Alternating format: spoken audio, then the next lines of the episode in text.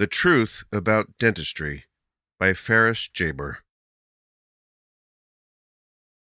In the early 2000s, Terry Mitchell's dentist retired. For a while, Mitchell, an electrician in his 50s, stopped seeking dental care altogether. But when one of his wisdom teeth began to ache, he started looking for someone new. An acquaintance recommended John Roger Lund, whose practice was a convenient 10 minute walk from Mitchell's home in San Jose, California. Lund's practice was situated in a one story building with clay roof tiles that housed several dental offices. The interior was a little dated, but not dingy. The waiting room was small and the decor minimal. Some plants and photos, no fish. Lund was a good looking middle aged guy with arched eyebrows, round glasses, and graying hair that framed a youthful face. He was charming, chatty, and upbeat. At the time, Mitchell and Lund both owned Chevrolet Chevelles, and they bonded over their mutual love of classic cars. Lund extracted the wisdom tooth with no complications, and Mitchell began seeing him regularly. He never had any pain or new complaints, but Lund encouraged many additional treatments nonetheless. A typical person might get one or two root canals in a lifetime. In the space of seven years, Lund gave Mitchell nine root canals and just as many crowns. Mitchell's insurance covered only a small portion of each procedure, so he paid a total of about $50,000 out of pocket. The number and cost of the treatments did not trouble him. He had no idea that it was unusual to undergo so many root canals. He thought they were just as common as fillings. The payments were spread out over a relatively long period of time, and he trusted Lund completely. He figured that if he needed the treatments, then he might as well get them before things grew worse. Meanwhile, another of Lund's patients was going through a similar experience. Joyce Cordy, a businesswoman in her 50s, had learned of Lund through 1 800 Dentist. She remembers the service, giving him an excellent rating. When she visited Lund for the first time in 1999, she had never had so much as a cavity. To the best of her knowledge, her teeth were perfectly healthy. Although she had a small dental bridge installed to fix a rare congenital anomaly, she was born with one tooth trapped inside another and had them extracted. Within a year, Lund was questioning the resilience of her bridge and telling her she needed root canals and crowns. Cordy was somewhat perplexed. Why the sudden need for so many procedures after decades of good dental health? When she expressed uncertainty, she says, Lund always had an answer ready. The cavity on this tooth was in the wrong position to treat with the typical filling, he told her on one occasion. Her gums were receding, which had resulted in tooth decay, he explained during another visit. Clearly, she had been grinding her teeth. And, after all, she was getting older. As a doctor's daughter, Cordy had been raised with an especially respectful view of medical professionals. Lund was insistent, so she agreed to the procedures. Over the course of a decade, Lund gave Cordy ten root canals and ten crowns. He also chiseled out her bridge, replacing it with two new ones that left a conspicuous gap in her front teeth. Altogether, the work cost her about $70,000. In early 2012, Lund retired. Brendan Zeidler, a young dentist looking to expand his business, bought Lund's practice and assumed responsibility for his patients. Within a few months, Zeidler began to suspect that something was amiss. Financial records indicated that Lund had been spectacularly successful, but Zeidler was making only 10 to 25 percent of Lund's reported earnings each month. As Zeidler met more of Lund's former patients, he noticed a disquieting trend. Many of them had undergone extensive dental work, a much larger proportion than he would have expected. When Zeidler told them, after routine exams or cleanings, that they didn't need any additional procedures at that time, they tended to react with surprise and concern. Was he sure? Nothing at all? Had he checked thoroughly? In the summer, Zeidler decided to take a closer look at Lund's career. He gathered years' worth of dental records and bills for Lund's patients and began to scrutinize them one by one.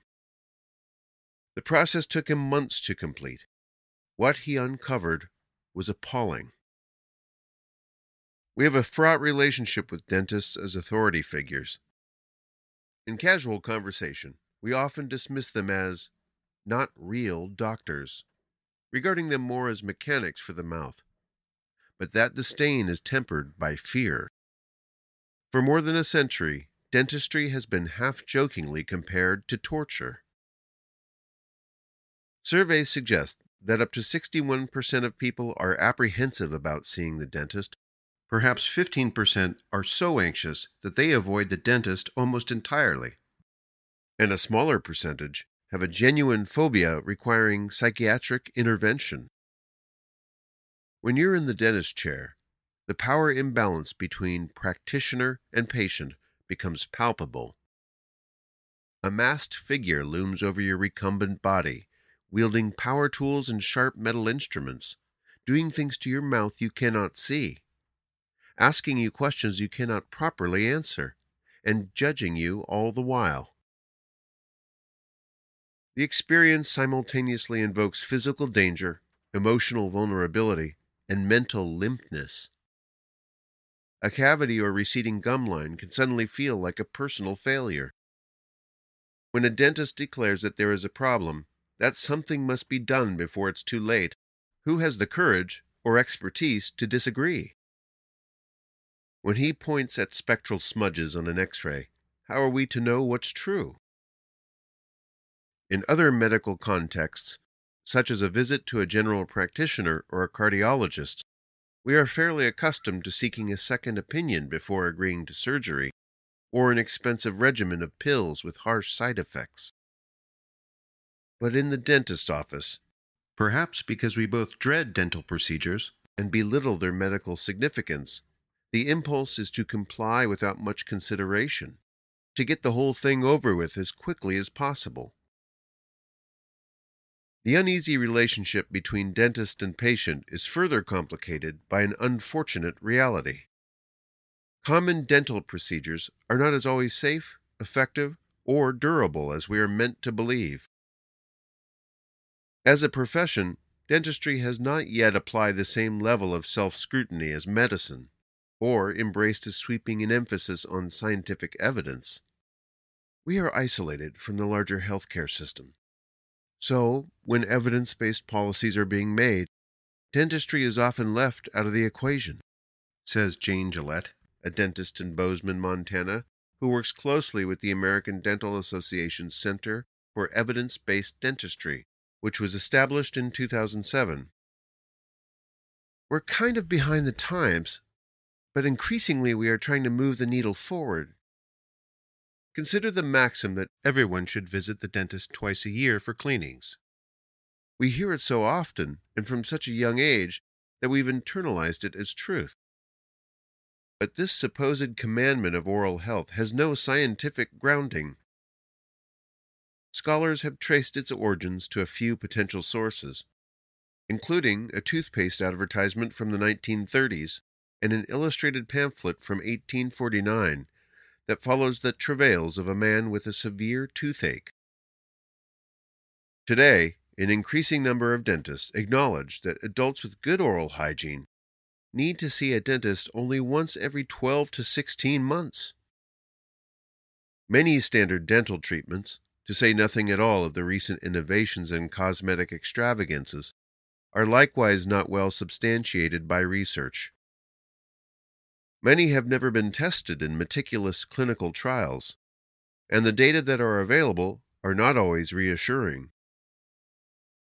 The Cochrane Organization, a highly respected arbiter of evidence based medicine, has conducted systematic reviews of oral health studies since 1999. In these reviews, researchers analyze the scientific literature on a particular dental intervention, focusing on the most rigorous and well designed studies. In some cases, the findings clearly justify a given procedure. For example, dental sealants, liquid plastics painted into the pits and grooves of teeth like nail polish, reduce tooth decay in children and have no known risks.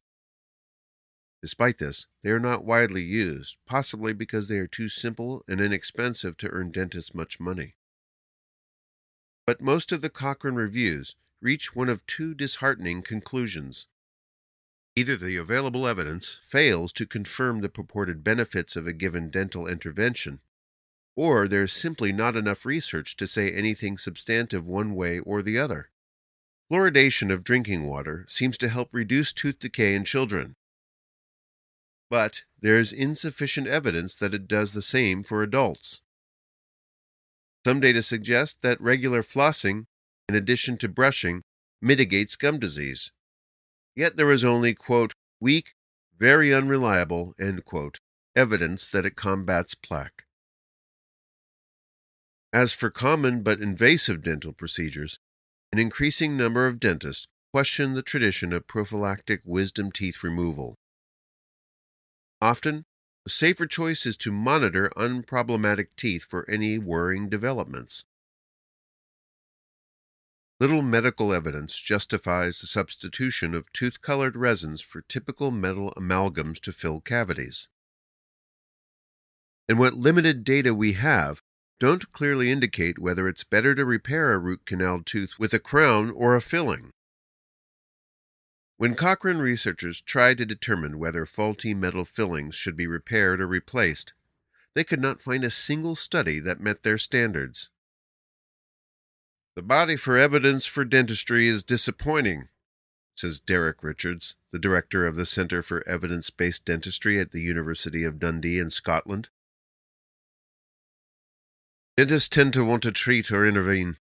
They are more akin to surgeons than they are to physicians. We suffer a little from that. Everybody keeps fiddling with stuff, trying out the newest thing, but they don't test them properly in a good quality trial. The general dearth of rigorous research on dental interventions gives dentists even more leverage over their patients.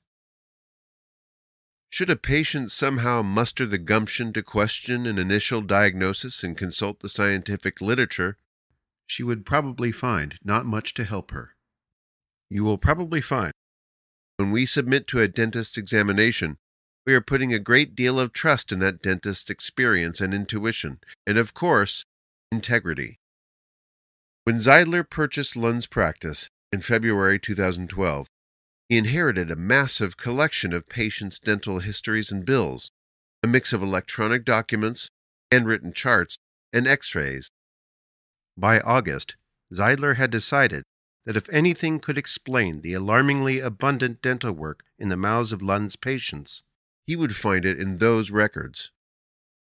He spent every weekend for the next nine months examining the charts of hundreds of patients treated in the preceding five years. In a giant Excel spreadsheet, he logged every single procedure Lund had performed so he could carry out some basic statistical analyses. The numbers spoke for themselves. Year after year, Lund had performed certain procedures at extraordinarily high rates. Whereas a typical dentist might perform root canals on previously crowned teeth in only 3 to 7% of cases, Lund was reporting them in 90% of cases. As Zeidler later alleged in court documents, Lund had performed invasive, costly, and seemingly unnecessary procedures on dozens and dozens of patients, some of whom he had been seeing for decades. Terry Mitchell and Joyce Cordy were far from alone. In fact, they had not even endured the worst of it. Dental crowns were one of Lund's most frequent treatments. A crown is a metal or ceramic cap that completely encases an injured or decayed tooth, which is first shaved to a peg so its new shell will fit. Crowns typically last 10 to 15 years. Lund not only gave his patients superfluous crowns, he also tended to replace them every five years, the minimum interval of time before insurance companies will cover the procedure again. More than 50 of Lund's patients also had ludicrously high numbers of root canals. 15, 20, 24. A typical adult mouth has 32 teeth. According to one lawsuit that has since been settled, a woman in her late 50s came to Lund with only 10 natural teeth. From 2003 to 2010, he gave her 9 root canals and 12 crowns. The American Association of Endodontists claims that a root canal is a quick, comfortable procedure that is very similar to a routine filling. In truth, a root canal is a more radical operation than a filling. It takes longer, can cause significant discomfort, and may require multiple trips to a dentist or specialist. It's also much more costly. Root canals are typically used to treat infections of the pulp, the soft living core of a tooth. A dentist drills a hole through a tooth in order to access the root canals. Long, narrow channels containing nerves, blood vessels, and connective tissue. The dentist then repeatedly twists skinny metal files in and out of the canals to scrape away all the living tissue, irrigates the canals with disinfectant, and packs them with a rubber like material. The whole process usually takes one to two hours. Afterward, sometimes at a second visit, the dentist will strengthen the tooth with a filling or crown. In the rare case that infection returns, the patient must go through the whole ordeal again or consider more advanced surgery. Zeidler noticed that nearly every time Lund gave someone a root canal, he also charged for an incision and drainage, known as an I&D. During an I&D, a dentist lances an abscess in the mouth and drains the exudate, all while the patient is awake. In some cases, the dentist slips a small rubber tube into the wound, which continues to drain fluids and remains in place for a few days. I&Ds are not routine adjuncts to root canals. They should be used only to treat severe infections, which occur in a minority of cases. Yet, they were extremely common in Lund's practice. In 2009, for example, Lund billed his patients for 109 I&Ds. Zeidler asked many of those patients about the treatments, but none of them recalled what would almost certainly have been a memorable experience. In addition to performing scores of seemingly unnecessary procedures that could result in chronic pain, medical complications, and further operations, Lund had apparently billed patients for treatments he had never administered. Zeidler was alarmed and distressed. We go into this profession to care for patients, he told me. That is why we become doctors. To find, I felt, someone was doing the exact opposite of that. It was very hard, very hard to accept that someone was willing to do that. Zeidler knew what he had to do next. As a dental professional, he had certain ethical obligations. He needed to confront Lund directly and give him the chance to account for all the anomalies. Even more daunting, in the absence of a credible explanation, he would have to divulge his discoveries to the patients Lund had bequeathed to him. He would have to tell them that the man to whom they had entrusted their care, some of them for two decades, had apparently deceived them for his own profit. The idea of the dentist as potential charlatan has a long and rich history. In medieval Europe, barbers didn't just trim hair and shave beards. They were also surgeons, performing a range of minor operations, including bloodletting, administration of enemas, and tooth extraction. Barber surgeons and the more specialized tooth drawers would wrench, smash, and knock teeth out of people's mouths with an intimidating metal instrument called a dental key. Imagine a chimera of a hook, a hammer, and forceps. Sometimes the results were disastrous. In the 1700s, Thomas Berdmore, King George III's operator for the teeth, described one woman who lost a piece of jawbone as big as a walnut and three neighboring molars at the hands of a local barber. Barber surgeons came to America as early as 1636. By the 18th century, dentistry was firmly established in the colonies as a trade akin to blacksmithing. Paul Revere was an early American craftsman of artisanal dentures. Itinerant dentists moved from town to town by carriage with carts of dreaded tools in tow, temporarily setting up shop in a tavern or town square. They yanked teeth or bored into them with hand drills, filling cavities with mercury, tin, gold, or molten lead. For anesthetic, they used arsenic, nut galls, mustard seed, leeches.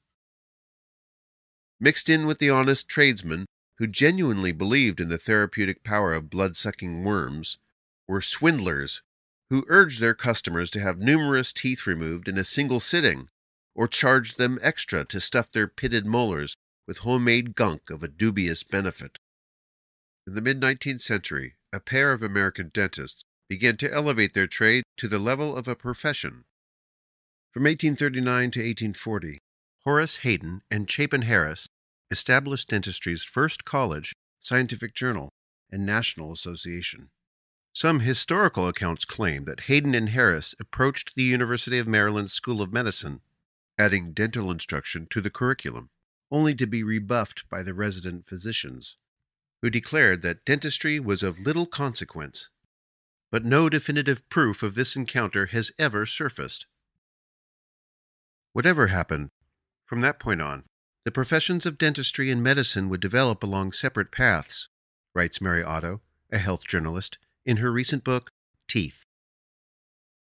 Becoming a practicing physician requires four years of medical school, followed by a three to ten year residency program depending on the specialty. Dentists earn a degree in four years and in most states can immediately take the national board exams, get a license, and begin treating patients.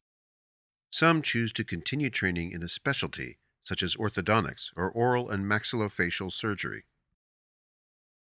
When physicians complete their residency, they typically work for a hospital, university, or large healthcare organization with substantial oversight, strict ethical codes, and standardized treatment regimens. By contrast, about 80% of the nation's 200,000 active dentists have individual practices, and although they are bound by a code of ethics, they typically don't have the same level of oversight. Throughout history, many physicians have lamented the segregation of dentistry and medicine acting as though oral health is somehow divorced from one's overall well being is absurd. The two are inextricably linked.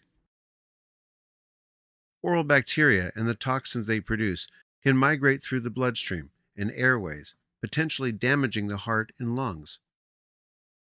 Poor oral health is associated with narrowing arteries, cardiovascular disease, stroke, and respiratory disease, possibly due to a complex interplay of oral microbes and the immune system. And some research suggests that gum disease can be an early form of diabetes, indicating a relationship between sugar, oral bacteria, and chronic inflammation. Dentistry's academic and professional isolation has been especially detrimental to its own scientific inquiry. Most major medical associations around the world have long endorsed evidence based medicine. The idea is to shift focus away from intuition, anecdote, and received wisdom, and toward the conclusions of rigorous clinical research. Although the phrase evidence based medicine was coined in 1991, the concept began taking shape in the 1960s, if not earlier. Some scholars trace its origins all the way back to the 17th century. In contrast, the dental community did not begin having similar conversations until the mid 1990s. There are dozens of journals and organizations devoted to evidence based medicine, but only a handful devoted to evidence based dentistry. In the past decade, a small cohort of dentists has worked diligently to promote evidence based dentistry, hosting workshops, publishing clinical practice guidelines based on systematic reviews of research, and creating websites that curate useful resources.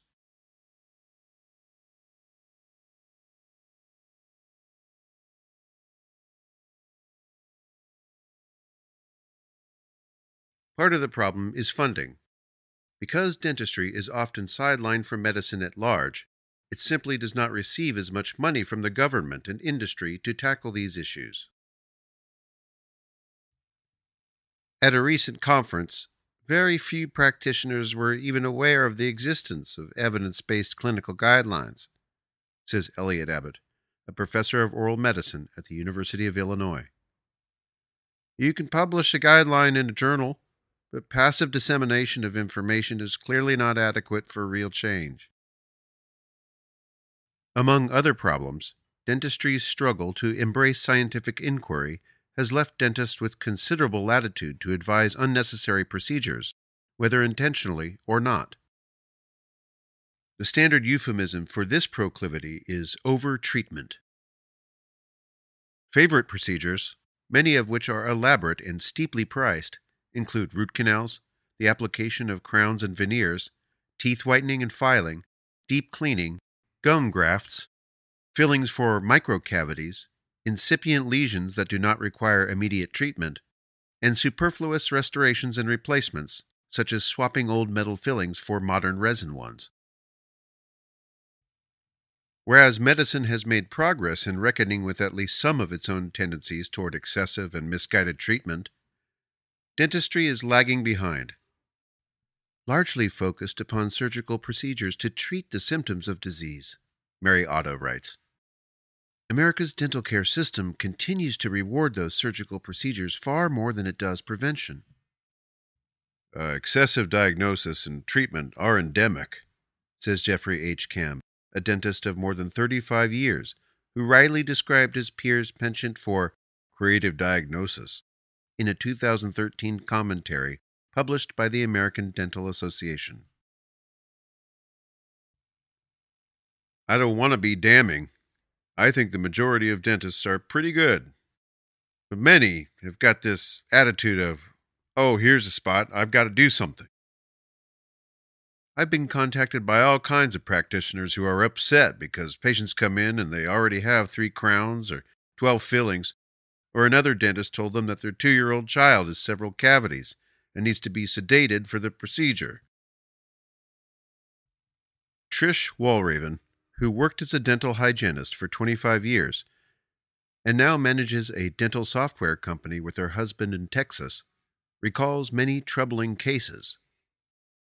We would see patients seeking a second opinion, and they had treatment plans telling them they need eight fillings and virgin teeth. We would look at x rays and say, You've got to be kidding me. It was blatantly over treatment, drilling into teeth that did not need it whatsoever. Studies that explicitly focus on overtreatment in dentistry are rare, but a recent field experiment provides some clues about its pervasiveness. A team of researchers at ETH Zurich, a Swiss university, asked a volunteer patient with three tiny shallow cavities to visit 180 randomly selected dentists in Zurich. The Swiss dental guidelines state that such minor cavities do not require fillings. Rather, the dentist should monitor the decay and encourage the patient to brush regularly, which can reverse the damage. Despite this, 50 of the 180 dentists suggested unnecessary treatment. Their recommendations were incongruous. Collectively, the overzealous dentists singled out 13 different teeth for drilling, each advised one to six fillings. Similarly, in an investigation for Reader's Digest, the writer William Ecenbarger visited 50 dentists in 28 states in the U.S. and received prescriptions ranging from a single crown to a full mouth reconstruction, with the price tag starting at about $500 and going up to nearly $30,000. A multitude of factors has conspired to create both the opportunity and the motive for widespread overtreatment in dentistry. In addition to dentistry's seclusion from the medical community, its traditional emphasis on procedure rather than prevention, and its lack of rigorous self evaluation, there are economic explanations. The financial burden of entering the profession is high and rising. In the U.S., the average debt of a dental school graduate is more than $200,000. And then there's the expense of finding an office, buying new equipment, and hiring staff to set up a private practice. A dentist in A dentist's income is entirely dependent on the number and type of procedures he or she performs. A routine cleaning and examination earns only a baseline fee of about $200. In parallel with the rising cost of dental school, the amount of tooth decay in many countries' populations has declined dramatically over the past four decades, mostly thanks to the introduction of mass produced fluoridated toothpaste in the 1950s and 60s. In the 1980s, with fewer genuine problems to treat, some practitioners turned to the newly flourishing industry of cosmetic dentistry, promoting elective procedures such as bleaching, teeth filing and straightening, gum lifts, and veneers. It's easy to see how dentists, hoping to buoy their income, would be tempted to recommend frequent exams and proactive treatments. A small filling here, a new crown there, even when waiting and watching, would be better. It's equally easy to imagine how that behavior might escalate. If I were to sum it up, I believe the majority of dentists are great. But for some reason, we seem to drift towards this attitude of, I've got tools, so I've got to fix something. Much too often, says Jeffrey Camm. Maybe it's greed or paying off debt, or maybe it's someone's training. It's easy to lose sight of the fact that even something that seems minor, like a filling, involves removal of a human body part. It just adds to the whole idea that you go to a physician feeling bad and you walk out feeling better, but you go to a dentist feeling good and you walk out feeling bad. In the summer of 2013, Zeidler asked several other dentists to review Lund's records. They all agreed with his conclusions. The likelihood that Lund's patients genuinely needed that many treatments was extremely low and there was no medical evidence to justify many of Lund's decisions or to explain the phantom procedures. Zeidler confronted Lund about his discoveries in several face to face meetings. When I asked Zeidler how those meetings went, he offered a single sentence I decided thereafter to take legal action and declined to comment further. Repeated attempts were made to contact Lund and his lawyer for this story, but neither responded. One by one, Zeidler began to write, call, or sit down with patients who had previously been who had previously been in Lund's care, explaining what he had uncovered. They were shocked and angry. Lund had been charismatic and professional, they had assumed that his diagnoses and treatments were meant to keep them healthy. Isn't that what doctors do? It makes you feel like you've been violated, Terry Mitchell says. Somebody performing stuff on your body that doesn't need to be done. Joyce Cordy recalls a moment of absolute fury when she first learned of Lund's deceit.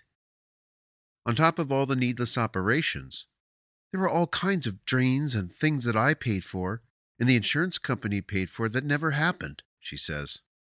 But you can't read the dentalese. A lot of them felt, How can I be so stupid? or Why didn't I go elsewhere? Zeidler says. But this is not about intellect, it's about betrayal of trust. In October 2013, Zeidler sued Lund for misrepresenting his practice and breaching their contract.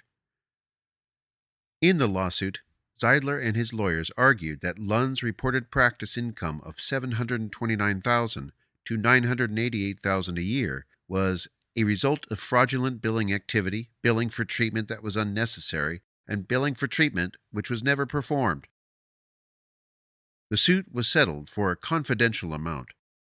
From 2014 to 2017, Ten of Lund's former patients, including Mitchell and Cordy, sued him for a mix of fraud, deceit, battery, financial elder abuse, and dental malpractice.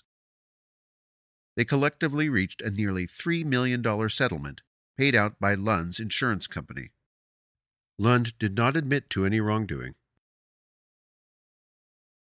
Lund was arrested in May 2016 and released on $250,000 bail. The Santa Clara County District Attorney's Office is prosecuting a criminal case against him based on 26 counts of insurance fraud. At the time of his arraignment, he said he was innocent of all charges. The Dental Board of California is seeking to revoke or suspend Lund's license, which is currently inactive. Many of Lund's former patients worry about their future health. A root canal is not a permanent fix. It requires maintenance, and in the long run, may need to be replaced with a dental implant. One of Mitchell's root canals has already failed. The tooth fractured and an infection developed. He said that in order to treat the infection, the tooth was extracted and he underwent a multi stage procedure involving a bone graft and months of healing before an implant and a crown were fixed in place. I don't know how much these root canals are going to cost me down the line, Mitchell says. $6,000 a pop for an implant. It adds up pretty quick. Joyce Cordy's new dentist says her x rays resemble those of someone who had reconstructive facial surgery following a car crash. Because Lund installed one of her bridges improperly, one of her teeth is continually damaged by everyday chewing. It hurts like hell, she says. She has to wear a mouthguard every night. What some of Lund's former patients regret most are the psychological repercussions of his alleged duplicity. The erosion of the covenant between practitioner and patient, the germ of doubt that infects the mind. You lose your trust, Mitchell says. You become cynical. I have become more that way, and I don't like it. He damaged the trust I need to have in people who take care of me, Cordy says. He damaged my trust in mankind. That's an unforgivable crime. That was The Truth About Dentistry, written by Ferris Jabr for The Atlantic. Autumn presents Raised by YouTube Written by Alexis Madrigal. Choo Choo TV, the company responsible for some of the most widely viewed toddler content on YouTube, has a suitably cute origin story. Vinod Chandar, the CEO, had always played around on YouTube, making Hindu devotionals and little videos of his father, a well known Indian music producer. But after he and his wife had a baby daughter, whom they nicknamed Choo Choo, he realized he had a new audience of one. He drew a choo choo like character in Flash, the animation program, and then created a short video of the girl dancing to the popular and decidedly unwoke Indian nursery rhyme, Chubby Cheeks. Curly hair, very fair. Eyes are blue, lovely too. Teacher's pet, is that you? Choo Choo loved it. She wanted me to repeat it again and again, Chandra recalls, which gave him an idea. If she is going to like it, the kids around the world should like it. He created a YouTube channel and uploaded the video. In a few weeks, it had 300,000 views. He made and uploaded another video based on Twinkle Twinkle Little Star, and it took off. After posting just two videos, he had 5,000 subscribers to his channel. Someone from YouTube reached out and, as Chandra remembers it, said, You guys are doing some magic with your content. So Chandar and several of his friends formed a company in Chennai, in the South Indian state of Tamil Nadu, from the bones of an IT business they'd run. They hired a few animators and started putting out a video a month. Five years on, Choo Choo TV is a fast growing threat to traditional competitors from Sesame Street to Disney to Nickelodeon. With all its decades of episodes, well known characters, and worldwide brand recognition, Sesame Street has more than 5 billion views on YouTube. That's impressive. But Choo Choo has more than 19 billion. Sesame Street's main feed has 4 million subscribers. The original Choo Choo TV channel has 19 million, placing it among the top 25 most watched YouTube channels in the world, according to the social media tracking site Social Blade. And its subsidiary channels, primarily Choo Choo TV Surprise Eggs Toys and Choo Choo TV Espanol, have another 10 million. According to Choo Choo, its two largest markets are the United States and India, which together generate about one third of its views. But each month, tens of millions of views also pour in from the UK, Canada, Mexico, Australia, and all over Asia and Africa. Roughly 20 million times a day, a caretaker somewhere on Earth fires up YouTube and plays a choo choo video. What began as a lark has grown into something very, very big, inflating the company's ambitions. We want to be the next Disney, Chandra told me. But whereas Disney has long mined cultures across the world for legends and myths, dropping them into consumerist, family friendly American formats, Choo Choo's videos are a different kind of hybrid. The company ingests Anglo American nursery rhymes and holidays and produces new versions with subcontinental flair. The character's most prominent animal friend is a unicorn elephant. Nursery rhymes become music videos, complete with Indian dances and iconography. Kids of all skin tones and hair types speak with an Indian accent. Many observers respond to Choo Choo's unexpected success by implying that the company has somehow gamed the system. Whenever we go to the US, Chandra told me, people say, You guys cracked the algorithm. But we didn't do anything. The algorithm thing is a complete myth. Choo Choo does not employ the weird keyword stuffed titles used by lower rent YouTube channels. The company's titles are simple, sunny, consistent. Its theory of media is that good stuff wins, which is why its videos have won. We know what our subscribers want, and we give it to them, Chandra said. Choo says it adds roughly 40,000 subscribers a day. That kind of growth suggests something unpredictable and wild is happening. America's grip on children's entertainment is coming to an end. Choo is but the largest of a new constellation of children's media brands on YouTube that is spread out across the world. Little Baby Bum in London, Animaccord Studios in Moscow, Videogyan in Bangalore, Billion Surprise Toys in Dubai, TuTiTu TV in Tel Aviv, and Lulu Kids in Iași a Romanian town near the country's border with Moldova. The new children's media look nothing like we adults would have expected. They are exuberant, cheap, weird, and multicultural. YouTube's content for young kids, what I think of as toddler YouTube, is a mishmash, a bricolage, a trash fire, an explosion of creativity.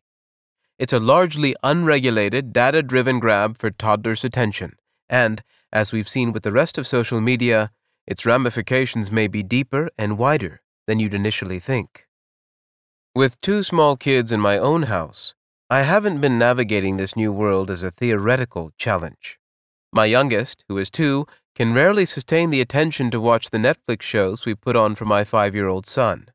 But when I showed her a choo choo video, just to see how she'd react, I practically had to wrestle my phone away from her. What was this stuff? Why did it have the effect it did? To find out, I had to go to Chennai.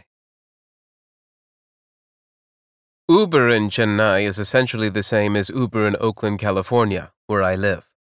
In the airport, I hit a button on my phone, and soon a white sedan pulled up outside.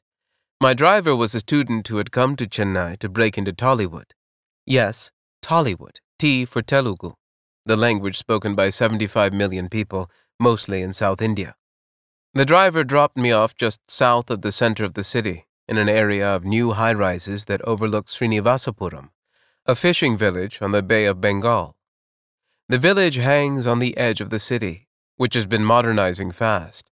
The government has been trying to relocate the village for years.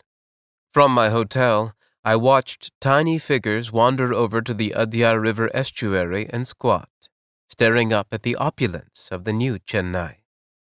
Choo Choo's headquarters take up the entire first floor of a blue glass building with bright yellow stripes. Rows of animators flank a center aisle that houses big, colorful flourishes, weird chairs, structural columns with graffiti on them signifying Fun Tech Office. The work floor is ringed by maybe 10 offices that house the higher ups. Chuchu says it employs about 200 people. Chandar met me and led me into a massive conference room. In addition to being the CEO, he also composes music for Chuchu. He's the public face of the company, and at 39, a few years younger than the other four founders, who each hold an equal stake. He sent a young man to get me a coffee, and then we sat down together with his friend B.M. Krishnan, a former accountant and a Choo Choo co founder who is now the company's chief creative officer.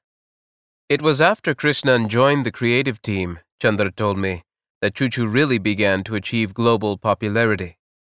What made the difference, in part, was that Krishnan decided to rewrite nursery rhymes that he felt didn't end well or teach good morals. What if Jack and Jill, after falling down while fetching the pail of water, get back up, learn from the resilience of birds and ants, actually get the damn pail of water and give it to their mom?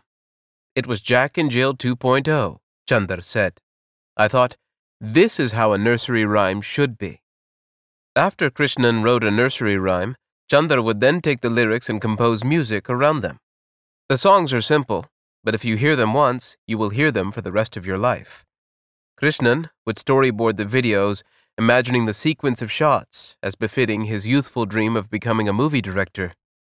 Chuchu productions are essentially music videos for kids, sometimes featuring Tollywood dance moves that Chandar and Krishnan demonstrate for the animators. The Choo Choo guys didn't set out to make educational programming, they were just making videos for fun. How were they to know they'd become a global force in children's entertainment? As time went on and the staff expanded, the company created a teaching series called Learning English is Fun and worked with a preschool company to develop an app, Chuchu School, that has an explicitly didactic purpose. But generally speaking, Chandra and Krishnan just want their videos to be wholesome, to deliver entertainment that perhaps provided kids with a dose of moral instruction. Krishnan had no experience other than his own parenting but if whatever he did as a parent worked for his kids, he felt, why wouldn't it work for everyone? For example, when he taught his kids left from right, he liked to do it in the car, when they were in the back seat. That way, if he pointed left, it was left for them too. So when Choo Choo made a video teaching the left right concept, it made sure to always show the characters from behind, not mirrored, so that when a character pointed left, the kids watching would understand. As it became clear that Choo Choo's videos were being watched by millions of people on six continents, Krishnan and Chandar started branching out into original songs and nursery rhymes, which Krishnan had been writing for the past couple of years. Their content runs the gamut, from an adaptation of Here We Go Round the Mulberry Bush, dedicated to tree planting as a way to fight global warming, to Banana Song, Na Na Na Banana, Long and Curved Banana but their most popular video, by far, is a compilation that opens with Johnny Johnny Yes Papa, a take on a nursery rhyme popular in India. With 1.5 billion views, it's one of the most watched videos of any kind, ever. In it, a small boy wakes up in the middle of the night and sneaks to the kitchen. He grabs a jar of sugar. Just as he's spooning some into his mouth, the light switches on, and his father walks in. Johnny, Johnny, his father says. Yes, Papa. Eating sugar? No, Papa. Telling lies? No, Papa. Open your mouth. Ha ha ha. As the son laughs, the song kicks up, and all the kids in the family play and dance together. When Krishnan watches Johnny Johnny, he sees a universal father child interaction. The kid tries to get one over on the dad, and when the dad catches him, the parent isn't actually annoyed. Instead, he's almost delighted by the sly willfulness. Inside, the father will be a little happy, Krishnan said. This child is having some brains. To an adult, the appeal of Choo Choo videos is not totally obvious.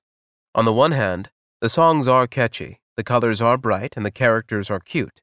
On the other, the animation is two dimensional and kind of choppy, a throwback to the era before Pixar. And there is a lot of movement, Sometimes every pixel of the screen seems to be in motion. Krishnan and Chandar believe that any given shot needs to include many different things a child could notice a bird flying in the background, something wiggling. These things hold kids' attention. The men know this with quantitative precision. YouTube analytics show exactly when a video's audience falls off.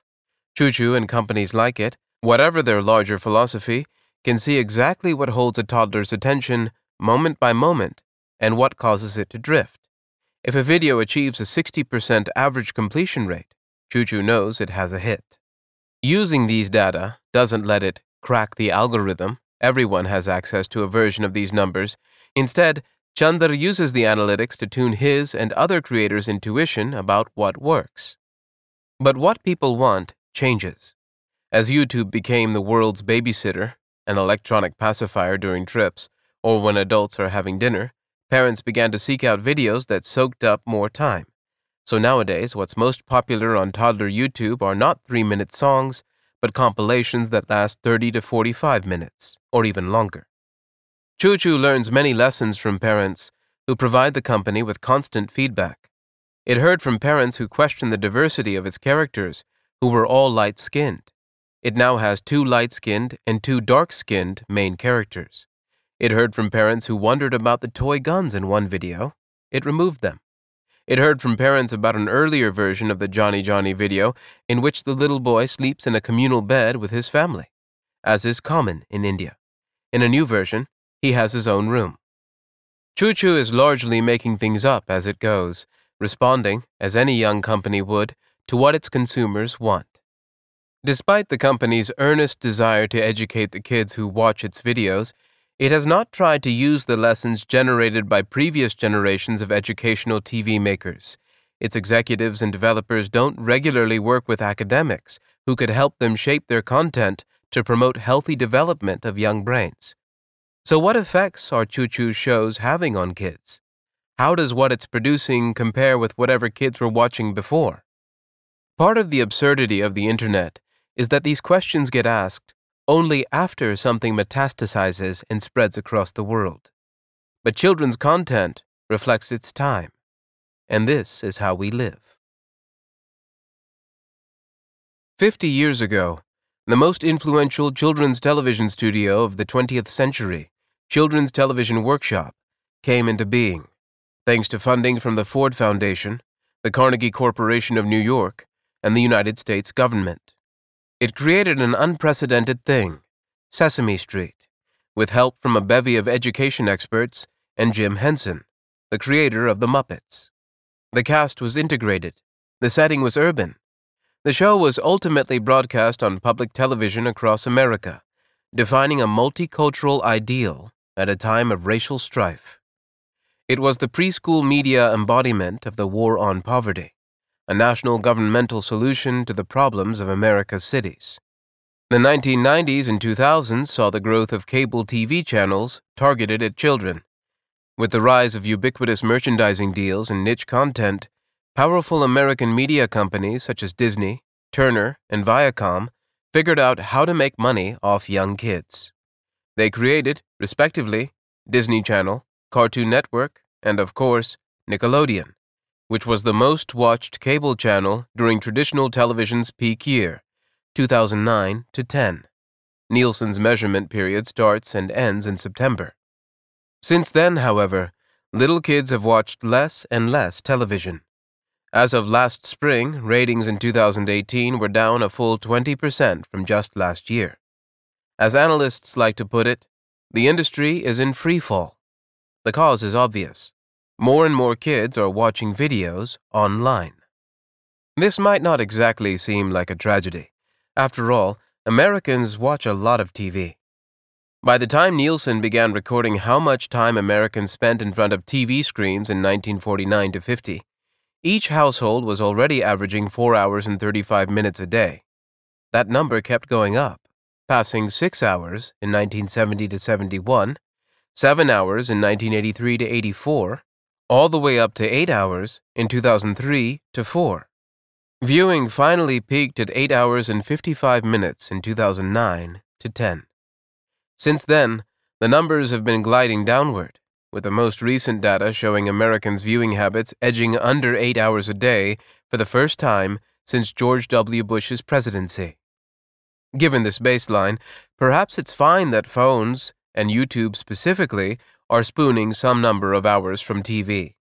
Considered purely as a medium, television seems to have little to recommend it over YouTube.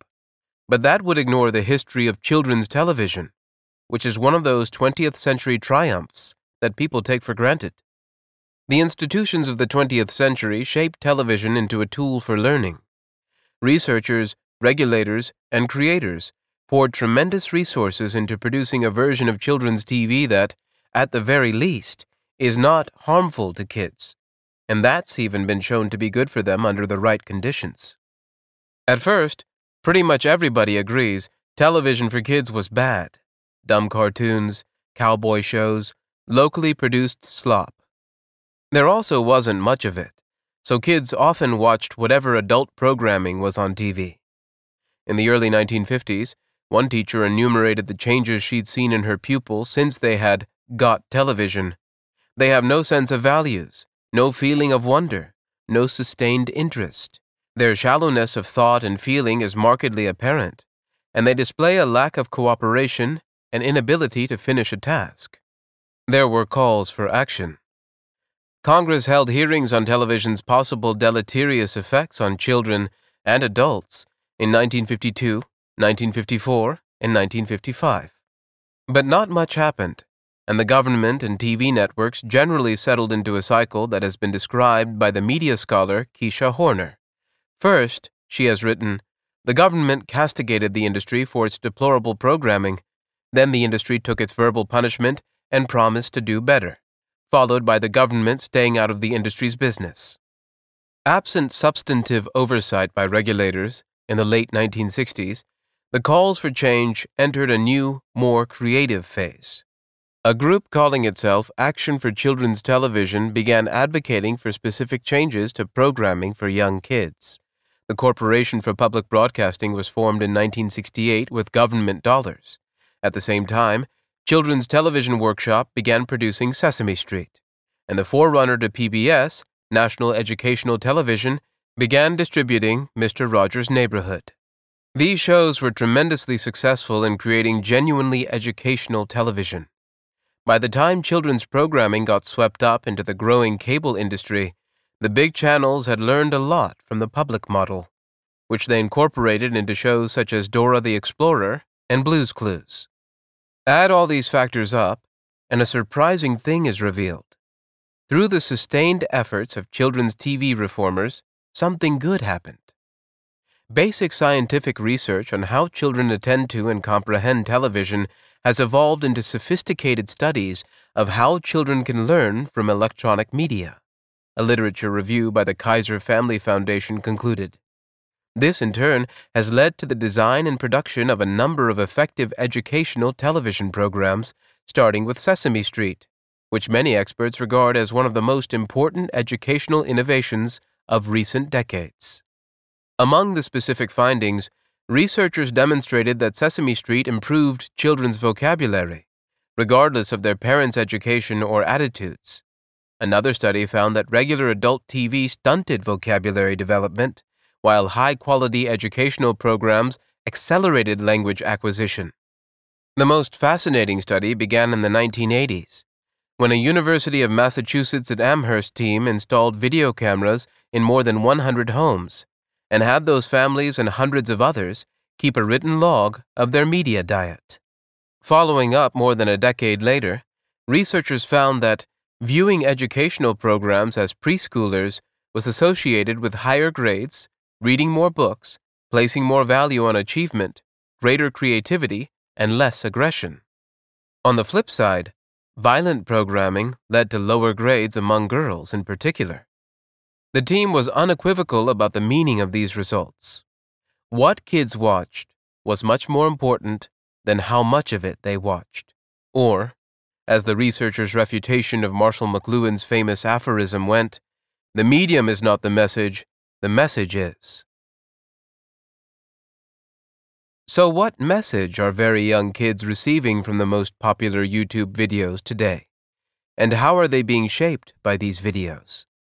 To explore this question, I sought out Colleen Russo Johnson, a co director of UCLA's Center for Scholars and Storytellers.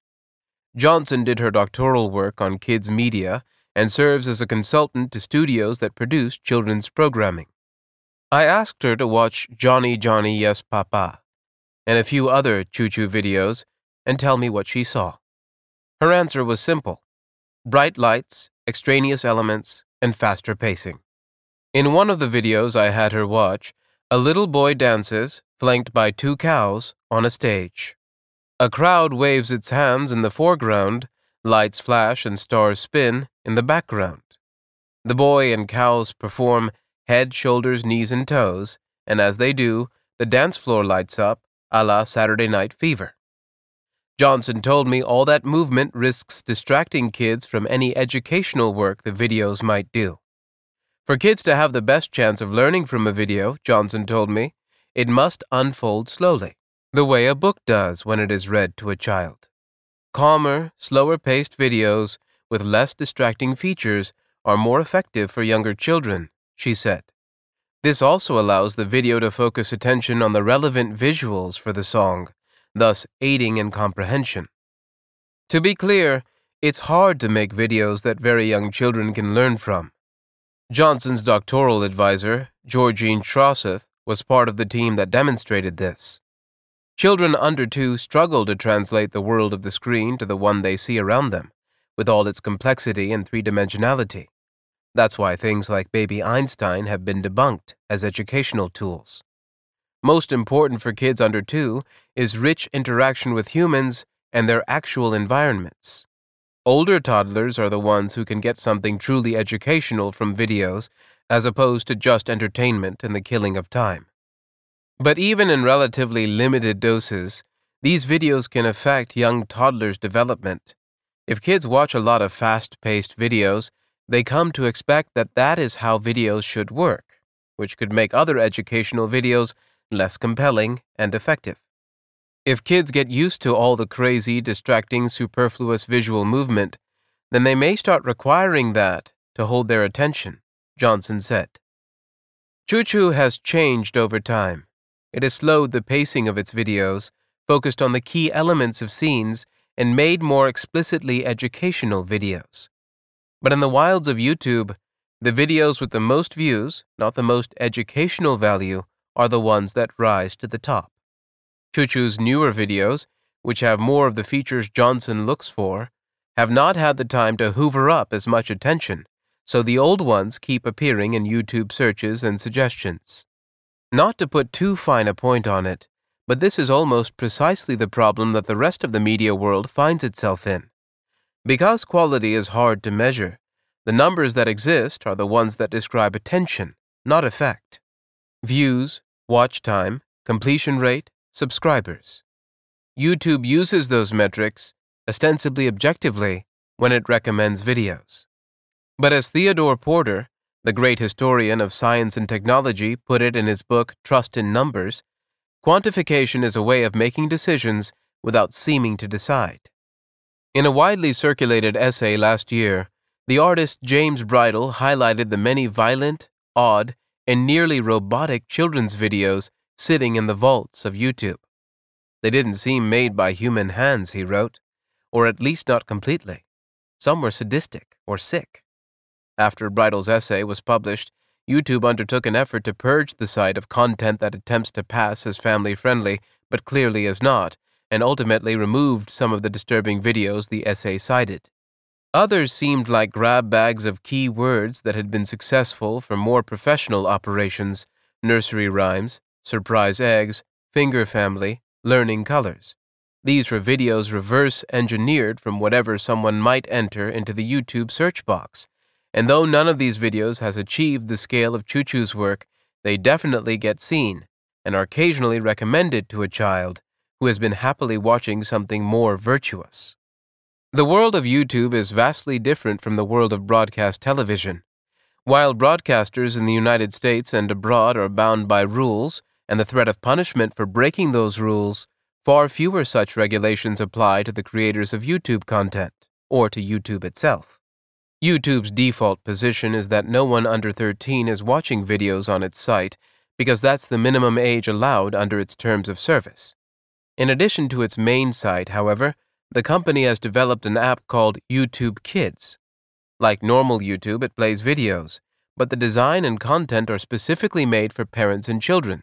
It's very good. It draws on the expertise of well established children's media companies. Parents can restrict their children's viewing in a multitude of ways, such as allowing access only to content handpicked by PBS Kids.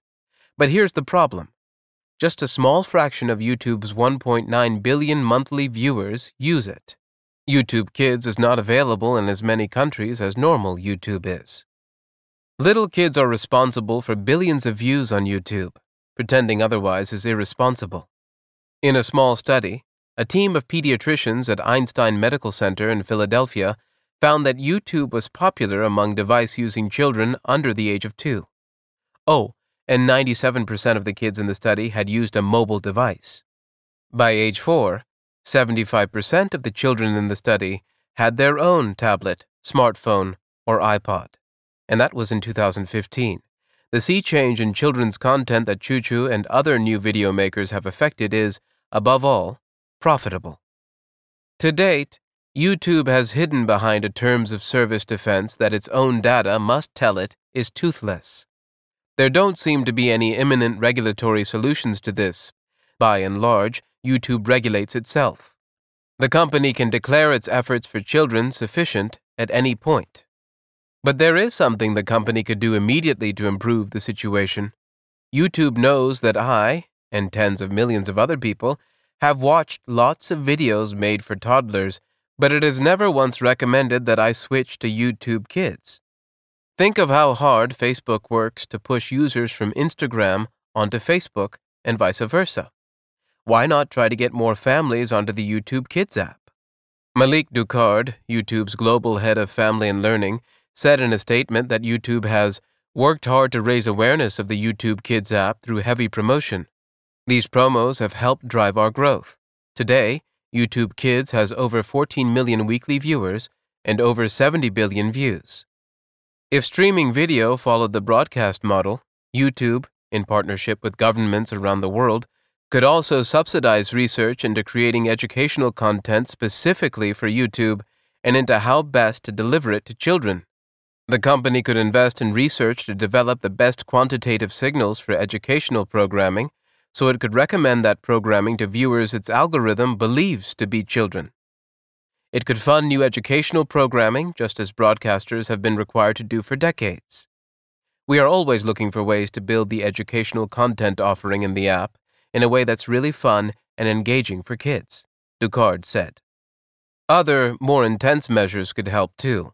For example, how about restricting toddler videos to the YouTube Kids app?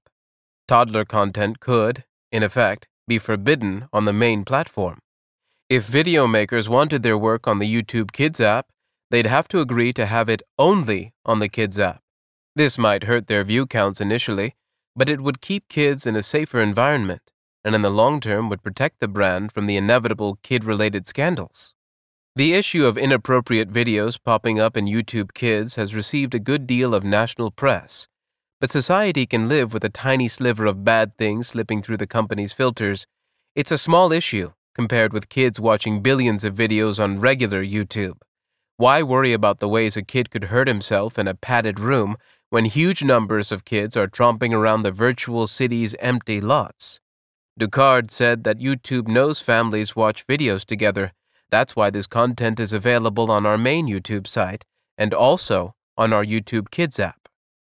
Maybe better or more refined solutions exist, but if the history of children's television teaches us anything, it's that the market alone will not generate the best outcomes for kids, nor is the United States government likely to demand change, at least not without prompting.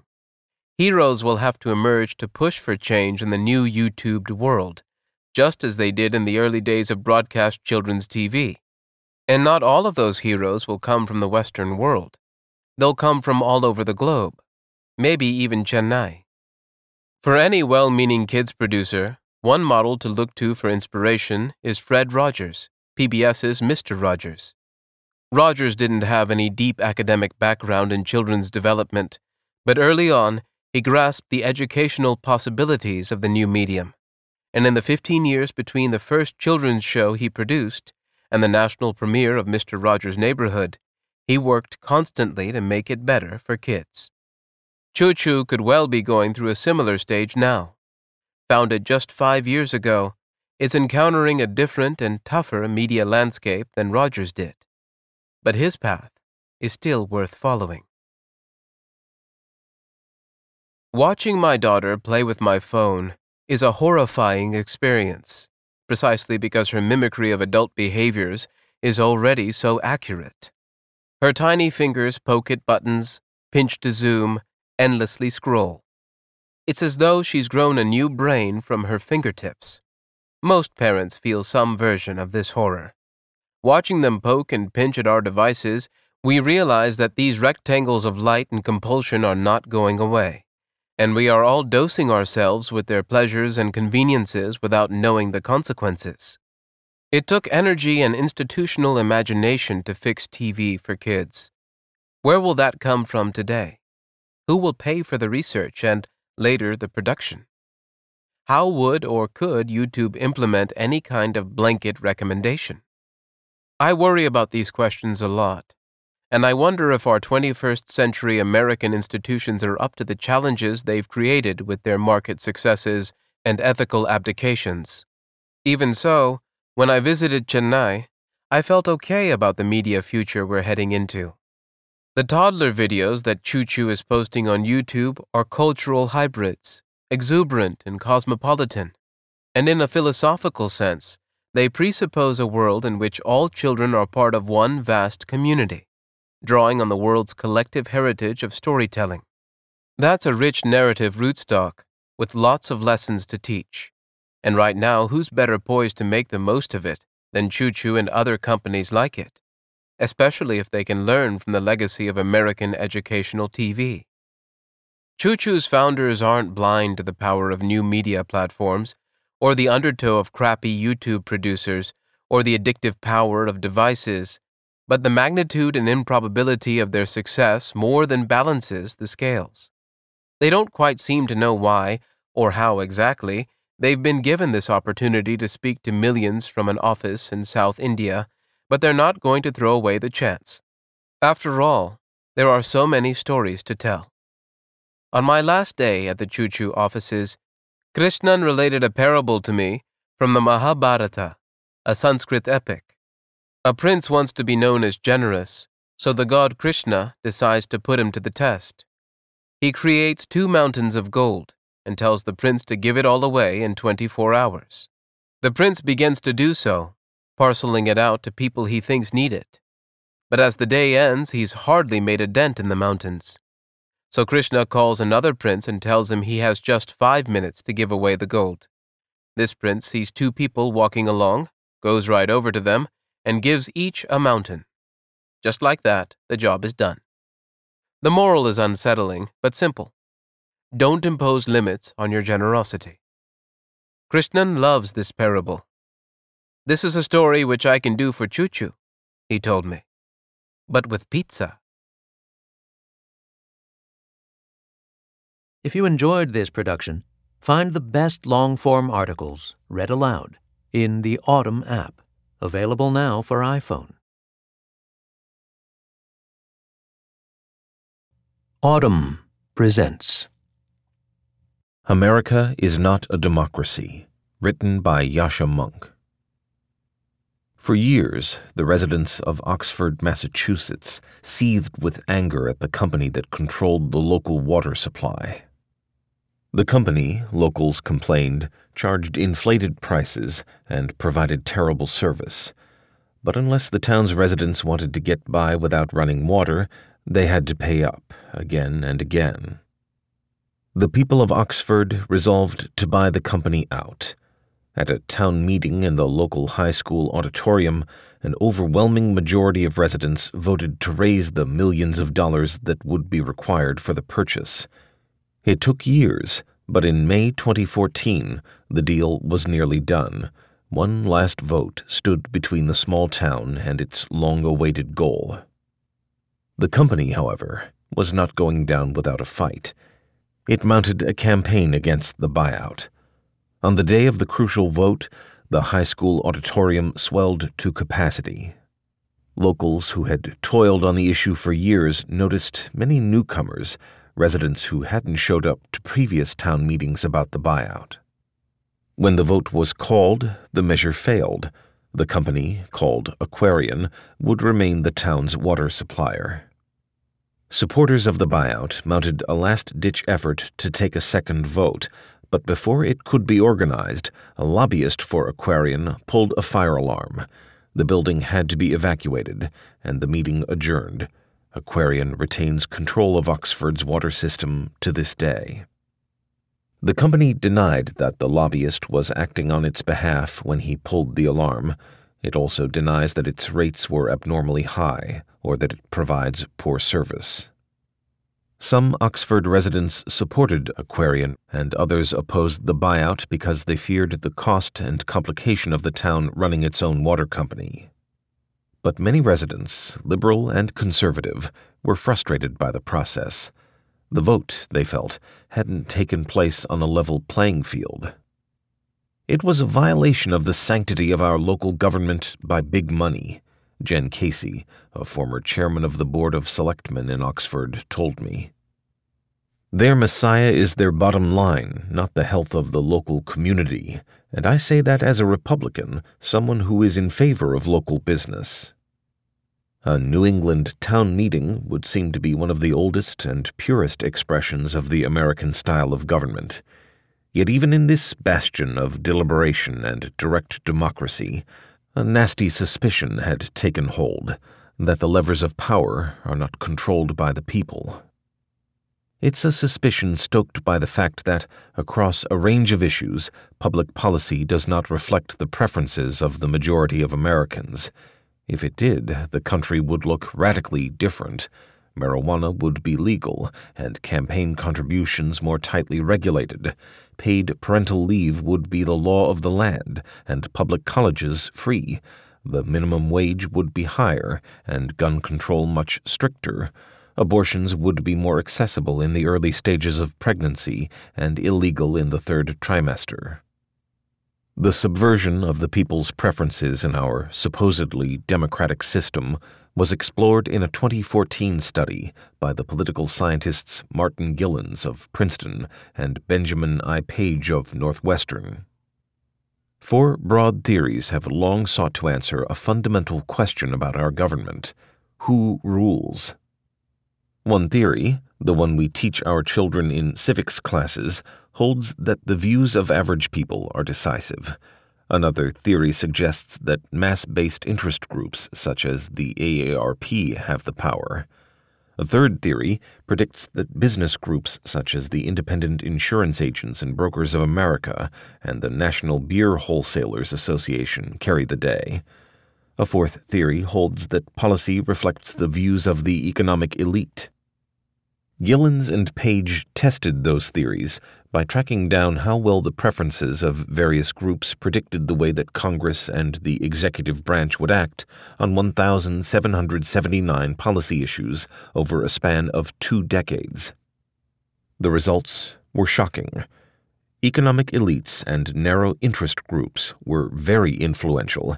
They succeeded in getting their favored policies adopted about half of the time and in stopping legislation to which they were opposed nearly all of the time. Mass based interest groups, meanwhile, had little effect on public policy. As for the views of ordinary citizens, they had virtually no independent effect at all. When the preferences of economic elites and the stands of organized interest groups are controlled for, the preferences of the average American appear to have only a minuscule, near zero, statistically non significant impact upon public policy, Gilens and Page wrote. Outlets from The Washington Post to Breitbart News cited this explosive finding as evidence of what overeager headline writers called American oligarchy.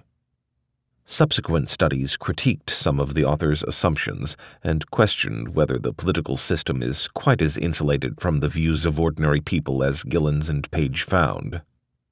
The most breathless claims made on the basis of their study were clearly exaggerations. Yet their work is another serious indication of a creeping democratic deficit in the land of liberty. To some degree, of course, the unresponsiveness of America's political system is by design. The United States was founded as a republic, not a democracy. As Alexander Hamilton and James Madison made clear in the Federalist Papers, the essence of this republic would consist, their emphasis, in the total exclusion of the people in their collective capacity from any share in the government. Instead, popular views would be translated into public policy through the election of representatives whose wisdom may, in Madison's words, best discern the true interest of their country. That this radically curtailed the degree to which the people could directly influence the government was no accident. Only over the course of the 19th century did a set of entrepreneurial thinkers begin to dress an ideologically self conscious republic up in the unaccustomed robes of a democracy. Throughout America, the old social hierarchies were being upended by rapid industrialization, mass immigration, westward expansion, and civil war. Egalitarian sentiment was rising the idea that the people should rule came to seem appealing and even natural. The same institutions that had once been designed to exclude the people from government were now commended for facilitating government of the people, by the people, for the people. The shifting justification for our political system inspired important reforms in 1913, the 17th Amendment stipulated that senators had to be elected directly by the people, not by state legislatures. In 1920, the 19th Amendment gave women the vote. In 1965, the Voting Rights Act, drawing on the 15th Amendment, set out to protect the vote of black Americans.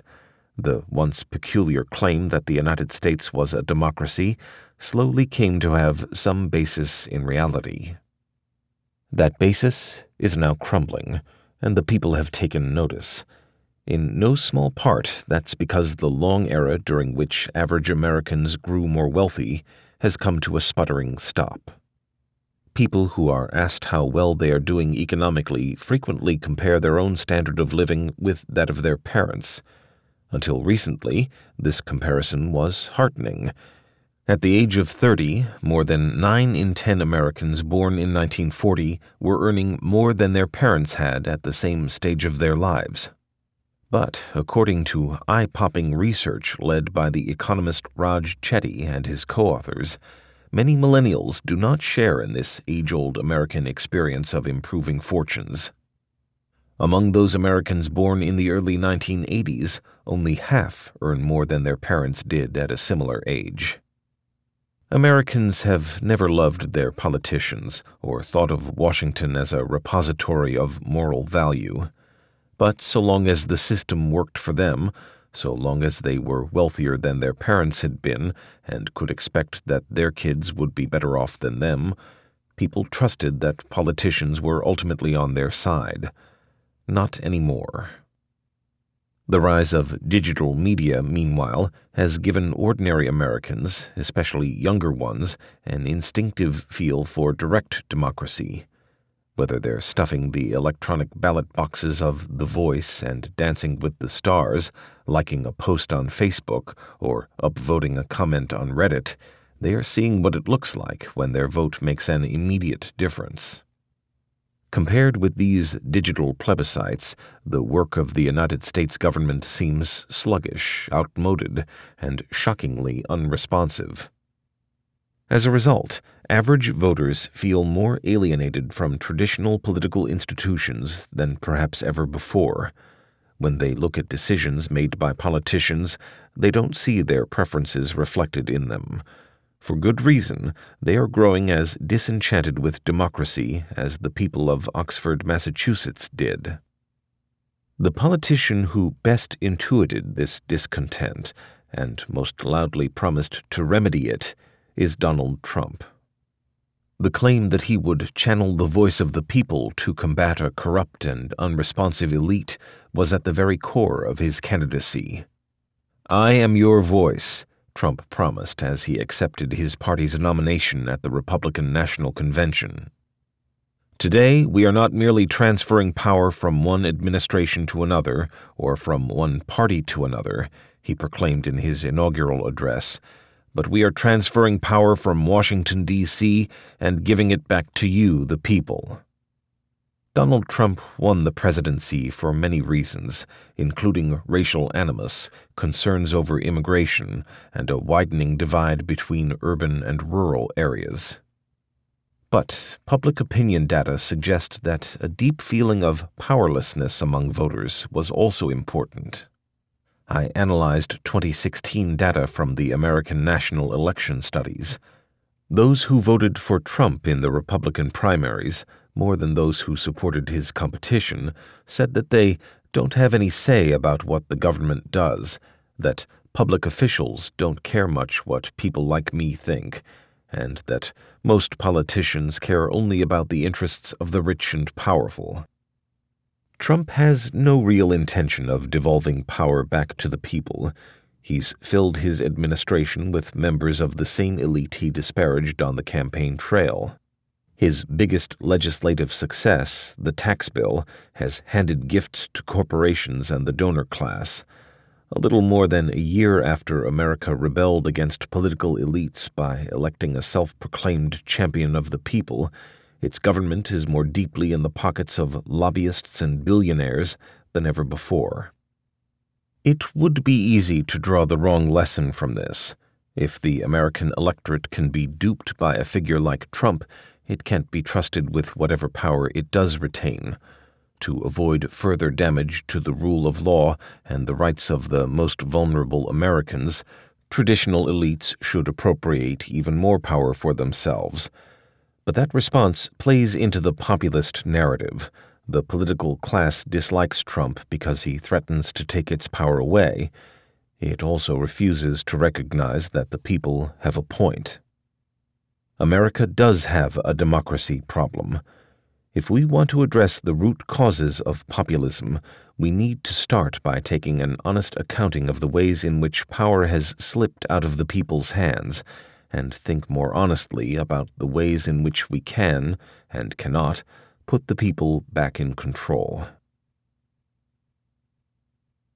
At the height of the Mexican American War, Nicholas Trist traveled to Mexico and negotiated the Treaty of Guadalupe Hidalgo, which ended the hostilities between the two nations and helped delineate America's southern border. Two decades later, the U.S. government still hadn't paid him for his services. Too old and weak to travel to Washington to collect the money himself, Trist hired a prominent lawyer by the name of Linus Child to act on his behalf, promising him 25% of his recovered earnings. Congress finally appropriated the money to settle its debt. But now it was Trist who refused to pay up, even after his lawyer sued for his share. Though the contract between Trist and Child hardly seems untoward by today's standards, the Supreme Court refused to uphold it out of fear that it might provide a legal basis for the activities of lobbyists. If any of the great corporations of the country were to hire adventurers who make market of themselves in this way to procure the passage of a general law with a view to the promotion of their private interests, the moral sense of every right minded man would instinctively denounce the employer and employed as steeped in corruption. Extreme as this case may appear, it was far from idiosyncratic. In her book Corruption in America, the legal scholar Zephyr Teachout notes that the institutions of the United States were explicitly designed to counter the myriad ways in which people might seek to sway political decisions for their own personal gain. Many forms of lobbying were banned throughout the 19th century. In Georgia, the state constitution at one time read that lobbying is declared to be a crime in California, it was a felony. Over the course of the 20th century, lobbying gradually lost the stench of the illicit. But even once the activity became normalized, businesses remained reluctant to exert their influence. As late as the 1960s, major corporations did not lobby directly on their own behalf. Instead, they relied on collectives such as the U.S. Chamber of Commerce, which had a weaker voice in Washington than labor unions or public interest groups. As every business executive knows, the future Supreme Court Justice Lewis F. Powell Jr. complained in 1971 few elements of American society today have as little influence in government as the American businessman. All of this began to change in the early 1970s. Determined to fight rising wages and stricter labor and environmental standards, which would bring higher costs, CEOs of companies like General Electric and General Motors banded together to expand their power on Capitol Hill. At first, their activities were mostly defensive. The goal was to stop legislation that might harm their interests. But as the political influence of big corporations grew and their profits soared, a new class of professional lobbyists managed to convince the nation's CEOs that, in the words of Lee Drutman, the author of the 2015 book The Business of America is Lobbying, their activity was not just about keeping the government far away, it could also be about drawing government close. Today, corporations wield immense power in Washington. For every dollar spent on lobbying by labor unions and public interest groups, Drutman shows, large corporations and their associations now spend $34. Of the 100 organizations that spend the most on lobbying, 95 consistently represent business. Read about a principal architect of the lobbying industry, Paul Manafort, also in the March issue of The Atlantic. The work of K Street lobbyists and the violation of our government by big money has fundamentally transformed the work and the lives of the people's supposed representatives. Steve Israel, a Democratic congressman from Long Island, was a consummate money man. Over the course of his 16 years on Capitol Hill, he arranged 1,600 fundraisers for himself, averaging one every four days. Israel cited fundraising as one of the main reasons he decided to retire from Congress in 2016. I don't think I can spend another day in another call room making another call begging for money, he told the New York Times. I always knew the system was dysfunctional. Now it is beyond broken. A model schedule for freshman members of Congress prepared a few years ago by the Democratic Congressional Campaign Committee instructs them to spend about four hours every day cold calling donors for cash. The party encourages so many phone calls because the phone calls work. Total spending on American elections has grown to unprecedented levels. From 2000 to 2012, reported federal campaign spending doubled. It's no surprise, then, that a majority of Americans now believe Congress to be corrupt, according to a 2015 Gallup poll. As Israel memorably put it to HBO's John Oliver, the hours he had spent raising money had been a form of torture, and the real victims of this torture have become the American people because they believe that they don't have a voice in this system. Big donors and large corporations use their largesse to sway political decisions, but their influence goes far beyond those instances in which legislators knowingly sacrifice their constituents' interests to stay on the right side of their financial backers. The people we spend time with day in and day out shape our tastes, our assumptions, and our values. The imperative to raise so much money means that members of Congress log more time with donors and lobbyists and less time with their constituents. Often, when faced with a vote on a bill of concern to their well heeled backers, legislators don't have to compromise their ideals. Because they spend so much of their lives around donors and lobbyists, they have long ago come to share their views. The problem goes even deeper than that. In America's imagined past, members of Congress had a strong sense of place. Democrats might have risen through the ranks of local trade unions or schoolhouses. Republicans might have been local business or community leaders. Members of both parties lived lives intertwined with those of their constituents but spend some time reading the biographies of your representatives in Congress, and you'll notice, as I did, that by the time they reach office, many politicians have already been socialized into a cultural, educational, and financial elite that sets them apart from average Americans. While some representatives do have strong roots in their district, for many others the connection is tenuous at best even for those members who were born and raised in the part of the country they represent. That place is, for many of them, not their true home. Educated at expensive colleges, likely on the coasts, they spend their 20s and 30s in the nation's great metropolitan centers. After stints in law, business, or finance, or on Capitol Hill, they move to the hinterlands out of political ambition once they retire from Congress, even if they retain some kind of home in their district, few make it the center of their lives. They seem much more likely than their predecessors to pursue lucrative opportunities in cities such as New York, San Francisco, and, of course, Washington.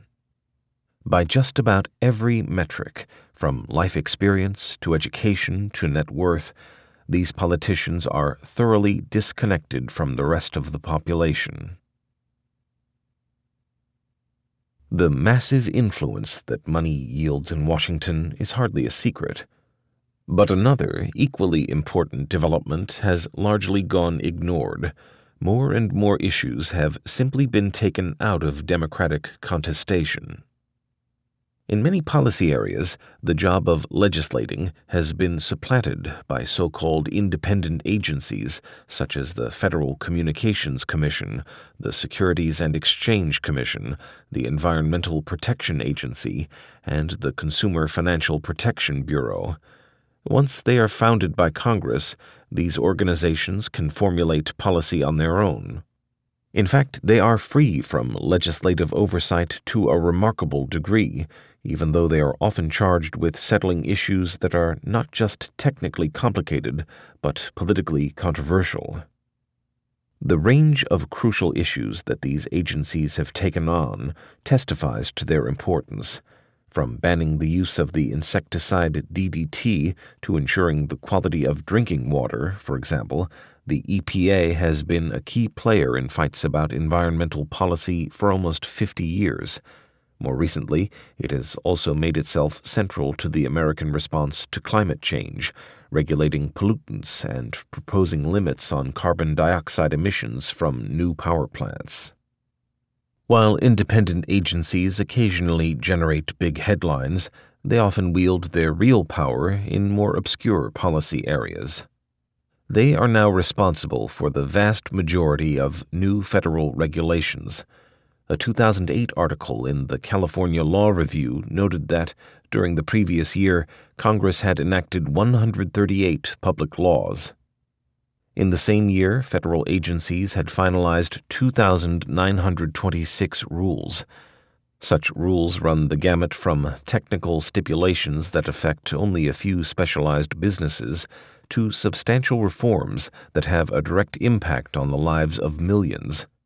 In October 2017, for example, the Consumer Financial Protection Bureau passed a rule that would require providers of payday loans to determine whether customers would actually be able to pay them back, potentially saving millions of people from exploitative fees, but also making it more difficult for them to access cash in an emergency.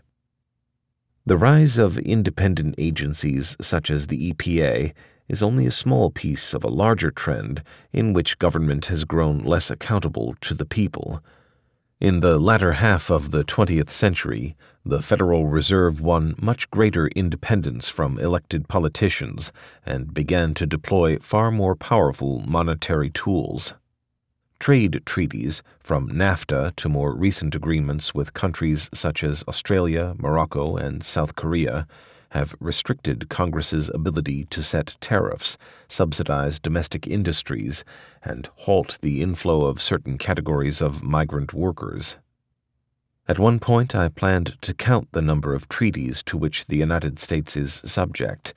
I gave up when I realized that the State Department's list of treaties and other international agreements of the United States runs to 551 pages.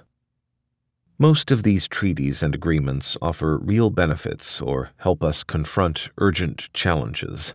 Whatever your view of their merit, however, there is no denying that they curtail the power of Congress in ways that also disempower American voters. Trade treaties, for example, can include obscure provisions about investor state dispute settlements, which give international arbitration courts the right to award huge sums of money to corporations if they are harmed by labor or environmental standards, potentially making it riskier for Congress to pass such measures.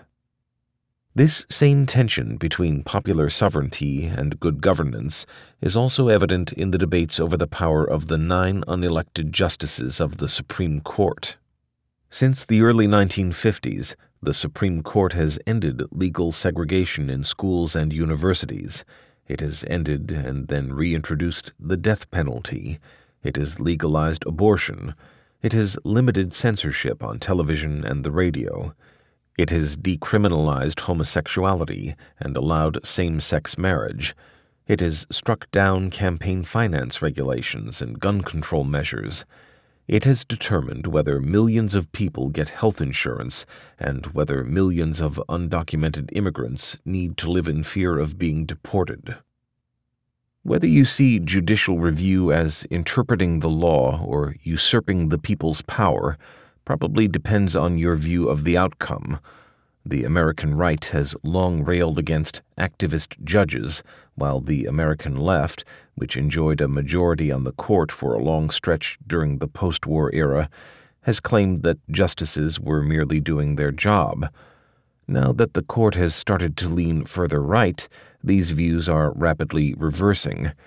But regardless of your politics, there's no question that the justices frequently play an outsized role in settling major political conflicts, and that many of their decisions serve to amplify undemocratic elements of the system. Take Citizens United. By overturning legislation that restricted campaign spending by corporations and other private groups, the Supreme Court issued a decision that was unpopular at the time and has remained unpopular since in a 2015 poll by Bloomberg, 78% of respondents disapproved of the ruling. It also massively amplified the voice of moneyed interest groups, making it easier for the economic elite to override the preferences of the population for years to come. Donald Trump is the first president in the history of the United States to have served in no public capacity before entering the White House. He belittles experts, seems to lack the most basic grasp of public policy, and loves to indulge the worst whims of his supporters. In all things, personal and political, Plato's disdainful description of the democratic man fits the 45th president like a glove.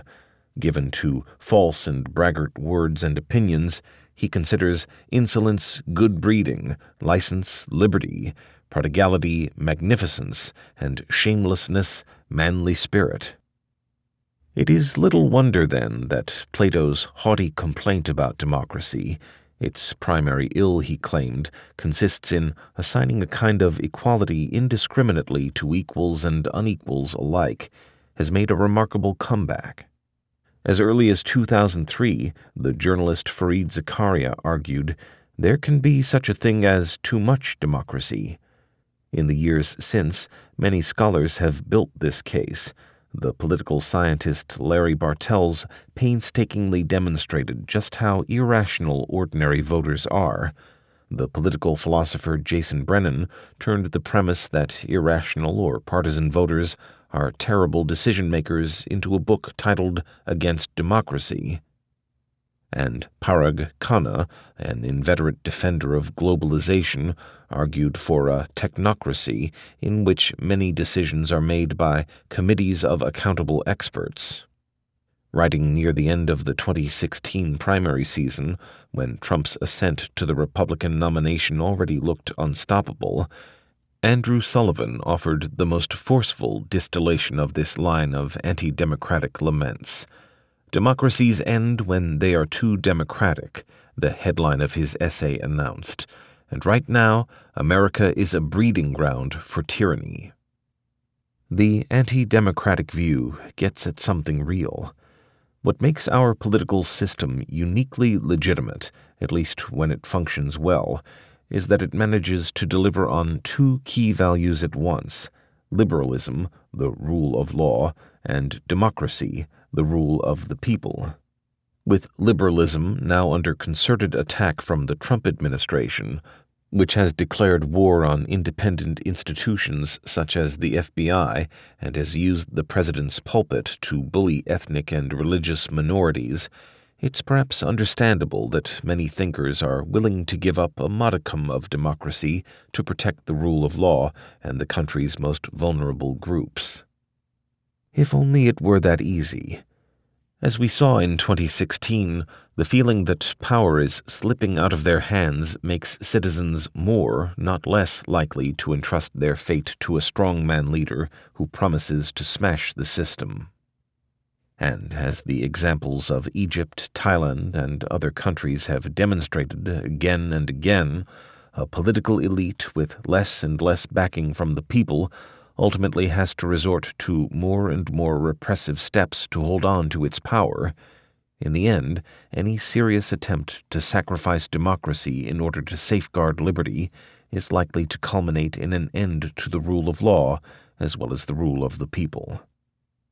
The easy alternative is to lean in the other direction, to call for as much direct democracy as possible. The origins of the people's displacement, the thinking goes, lie in a cynical power grab by financial and political elites. Large corporations and the super rich advocated independent central banks and business friendly trade treaties to score big windfalls. Politicians, academics, and journalists favor a technocratic mode of governance because they think they know what's best and don't want the people to meddle. All of this selfishness is effectively cloaked in a pro market ideology propagated by think tanks and research outfits that are funded by rich donors. Since the roots of the current situation are straightforwardly sinister, the solutions to it are equally simple. The people need to reclaim their power and abolish technocratic institutions. This anti technocratic view has currency on both ends of the political spectrum. On the far left, the late political scientist Peter Mair, writing about Europe, lamented the decline in popular democracy, which he contrasted with a more top down constitutional democracy. The English sociologist Colin Crouch has argued that even anarchy and violence can prove a useful purpose if they seek to vanquish what he calls post democracy. The far right puts more emphasis on nationalism, but otherwise agrees with this basic analysis. In the inaugural issue of the journal American Affairs, the self styled intellectual home of the Trump movement, its founder, Julius Krein, decried the existence of a transpartisan elite which sustains a pernicious managerial consensus. Steve Bannon, the former White House chief strategist, said his chief political objective was to return power to the people and advocated for the deconstruction of the administrative state. Mair and Crouch, Krein, and Bannon are right to recognize that the people have less and less hold over the political system, an insight that can point the way to genuine reforms that would make our political system both more democratic and better functioning. One of the reasons well intentioned politicians are so easily swayed by lobbyists, for example, is that their staffs lack the skills and experience to draft legislation or to understand highly complex policy issues This could be addressed by boosting the woefully inadequate funding of Congress. If representatives and senators were able to attract and retain more knowledgeable and experienced staffers, they might be less tempted to let K Street lobbyists write their bills for them. Similarly, the rules that currently govern conflicts of interest are far too weak. There is no reason members of Congress should be allowed to lobby for the companies they were supposed to regulate so soon after they stepped down from office. It is time to jam the revolving door between politics and industry. Real change will also require an ambitious reform of campaign finance. Because of Citizens United, this is going to be extremely difficult. But the Supreme Court has had a change of heart in the past. As evidence that the current system threatens American democracy keeps piling up, the court might finally recognize that stricter limits on campaign spending are desperately needed. For all that the enemies of technocracy get right, though, their view is ultimately as simplistic as the anti democratic one. The world we now inhabit is extremely complex we need to monitor hurricanes and inspect power plants, reduce global carbon emissions and contain the spread of nuclear weapons, regulate banks, and enforce consumer safety standards. All of these tasks require a tremendous amount of expertise and a great degree of coordination. It's unrealistic to think that ordinary voters or even their representatives in Congress might become experts in what makes for a safe power plant or that the world could find an effective response to climate change without entering cumbersome international agreements. If we simply abolish technocratic institutions, the future for most Americans will look more rather than less dangerous, and less rather than more affluent. It is true that to recover its citizens' loyalty, our democracy needs to curb the power of unelected elites who seek only to pad their influence and line their pockets. But it is also true that to protect its citizens' lives and promote their prosperity, our democracy needs institutions that are, by their nature, deeply elitist. This, to my mind, is the great dilemma that the United States and other democracies around the world will have to resolve if they wish to survive in the coming decades. We don't need to abolish all technocratic institutions or merely save the ones that exist. We need to build a new set of political institutions that are both more responsive to the views and interests of ordinary people and better able to solve the immense problems that our society will face in the decades to come. Writing about the dawn of democracy in his native Italy, the great novelist Giuseppe Tomasi di Lampedusa has Tancredi, a young aristocrat, recognize that he will have to let go of some of his most cherished habits to rescue what is most valuable in the old order. If everything is to stay the same, Tancredi says, everything has to change. The United States is now at an inflection point of its own. If we rigidly hold on to the status quo, we will lose what is most valuable in the world we know and find ourselves cast as bit players in the fading age of liberal democracy. Only by embarking on bold and imaginative reform can we recover a democracy worthy of the name. If you enjoyed this production, find the best long form articles read aloud in the Audm app, available now for iPhone.